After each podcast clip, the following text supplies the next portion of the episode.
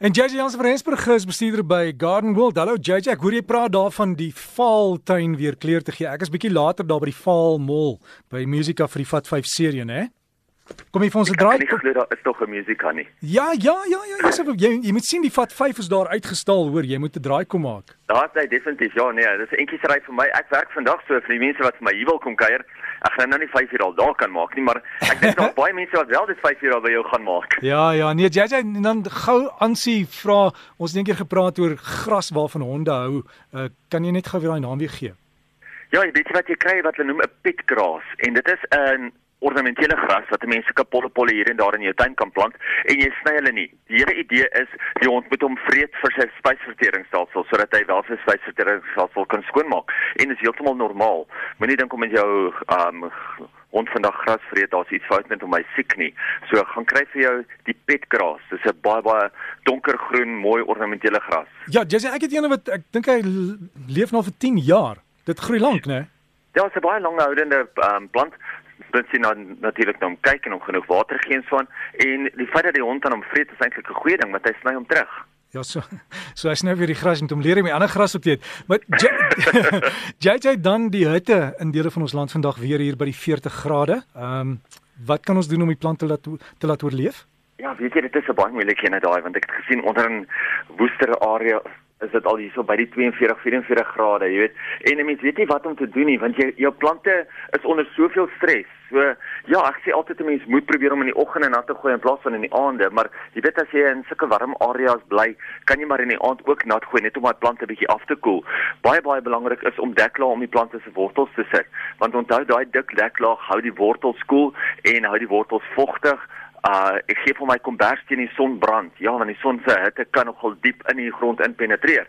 So deklaar is vir my die belangrikste en dan natuurlik as jy hom net in die aand so vinnig kan naspuit of vroeg in die oggend net om die grond en die plante self bietjie af te koel. Dis ongelukkig baie moeilike een daai en daar's nie regtig baie anders wat 'n mens kan doen om die plante se weerstand op te bou nie. Ja, mens kan kyk na ietsie soos 'n uh, 185 wat hoog is in kalium. Daai kalium maak natuurlik jou plante se selle ook sterk, maar dit is so 'n skielike uh stres wat die plante ondergaan dat dit regtig 'n baie moeilike een is om te hanteer. En JJ, jy het gesê vandag gesels oor die die goggaatjie wat wat verwoesting saai onder ons bome in Suid-Afrika. So ek gaan ek gaan seker maak my houtkapperneste is reg want ek weet hulle eet daai wurmpies onder daai goggaatjies, né? Ja, nee, definitief. Kyk, ek dink nie ons het genoeg natuurlike vyande van hulle nie en ek het gedink of dit goed gedink om vandag die hele program net aan hierdie goggaatjie te wy, want dit is eintlik 'n goggaatjie wat regtig amok saai oor die hele land. Um hy word die shuttle borer beetle genoem. Nou die die kiwertjie is omtrent die grootte van 'n halgeweer korrel. Jy weet en dit is hoekom mense die shuttle borer beetle is waar hy sy naam vandaan kry. En as hy 'n boom regtig aangeval het en die boom is dood, sal jy sien dit lyk letterlik asof hy deur 'n halgeweer geslaan is. Nou hy dood die bome van binne af en vernietig vernietig baie van die plantasies, baie van ons boomboorde en ons woude. Onthou hy het 'n fungus waarop hy lewe. So die kewer vreet in die boom in maar hy veroorsaak dan die fungus. So die die plante vrek nie regtig van die kewer nie, maar eerder van die fungus. Nou hierdie hierdie kewertjie kom eintlik van die ooste af. Daar's geen natuurlike vyande in Suid-Afrika of daar's nie genoeg natuurlike vyande in Suid-Afrika nie. En dit is nou reeds hoekom ons meer van die wildslewe in die tuine moet inlok.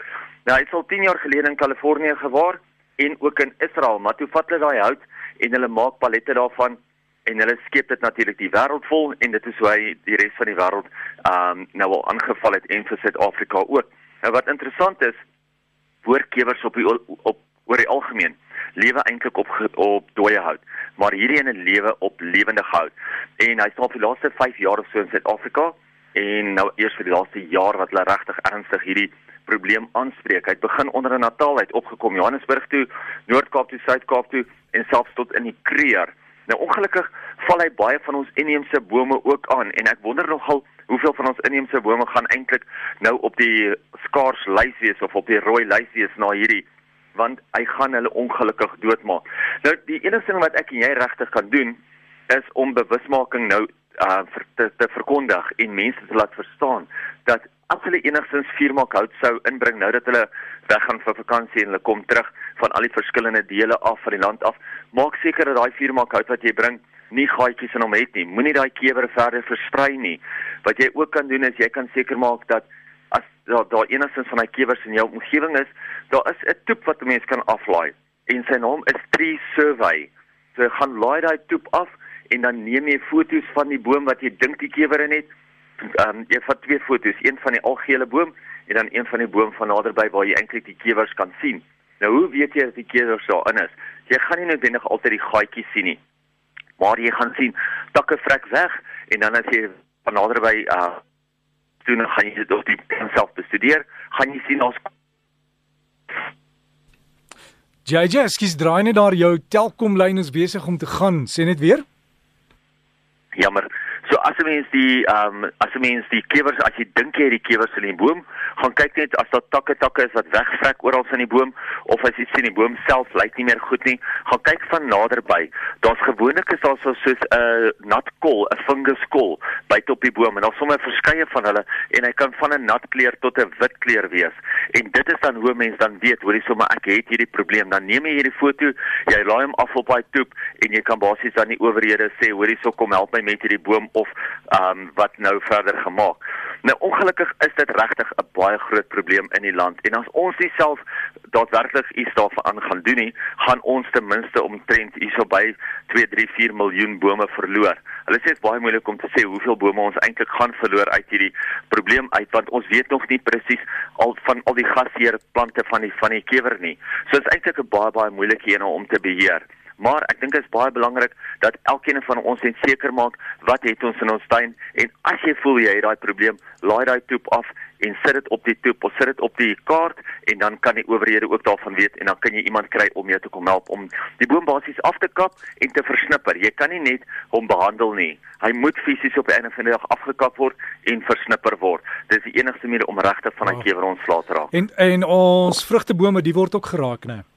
Baie van die vrugtebome, baie van die appelkose, jou uh, enige van jou steengewasse of steenvrugte word geraak en natuurlik jou avokado's, jou mango's, daar's geweldig baie neusbome uh ons gaan een van hierdie dae gaan nou eintlik 'n baie groot vrugte en voedsel tekort wees in my oë as jy kyk na wat hierdie hoe hierdie kewer eintlik nou verwoesting saai. Jy weet as jy kyk na jou groter lande waar um vrugteboorde eintlik uh, of waar waar, waar vrugteproduksie eintlik hoof van die land is, sal jy sien Israel en Amerika is klaar deur hierdie kewer geaffekteer en daar het hulle al klaar boorde verloor. Joh, JJ, so ons maar mooi kyk en soos jy sê die owerhede is bewus van die probleme is net net aan aanmeld en ek dink soos ek nou nog gesê daai houtkappertjies laat hulle maar kom in die werk doen. Ek dink die houtkappertjies moet probeer om ander voëls en ander diere in jou tuin in te lok want ja nee, dit is die enigste manier dink ek wat ons van hulle gaan ontslaa raak. Was dit JJ en het jy vir ons 'n plant van die week of laat jy hom oorstaan? Ons plant van die week vir hierdie week is eintlik 'n baie baie mooi agapanthus en dit is die Agapanthus Great White en dit is eintlik een van die mees ongelooflikste Agapanthus variëteite wat nog gekweek is. Hy blom omtrent net so 'n meter hoog, die plant self is 'n halwe meter hoog, maar hy maak hierdie enorme sterk stele met hierdie groot koppe. Hy is inheems, hy is waterwys, hy is gehard donkergroen blare. Hy blom baie gereeld gedurende die somer. So dis regtig een van die agapanthus wat 'n mens in jou tuin wil hê wat nie net een keer 'n jaar blom nie. Gaan kyk bietjie by jou naaste kwekery vir die agapanthus Great White. So gesels JJ Jansen van Rensburg en ek weet op hulle Garden World webtuiste is die inligting ook daar en uh, geniet jou tuin maak en kyk uit vir daai goggas. En as jy vir JJ wil e-pos is JJ by gardenworld.co.za. JJ by gardenworld.co.za.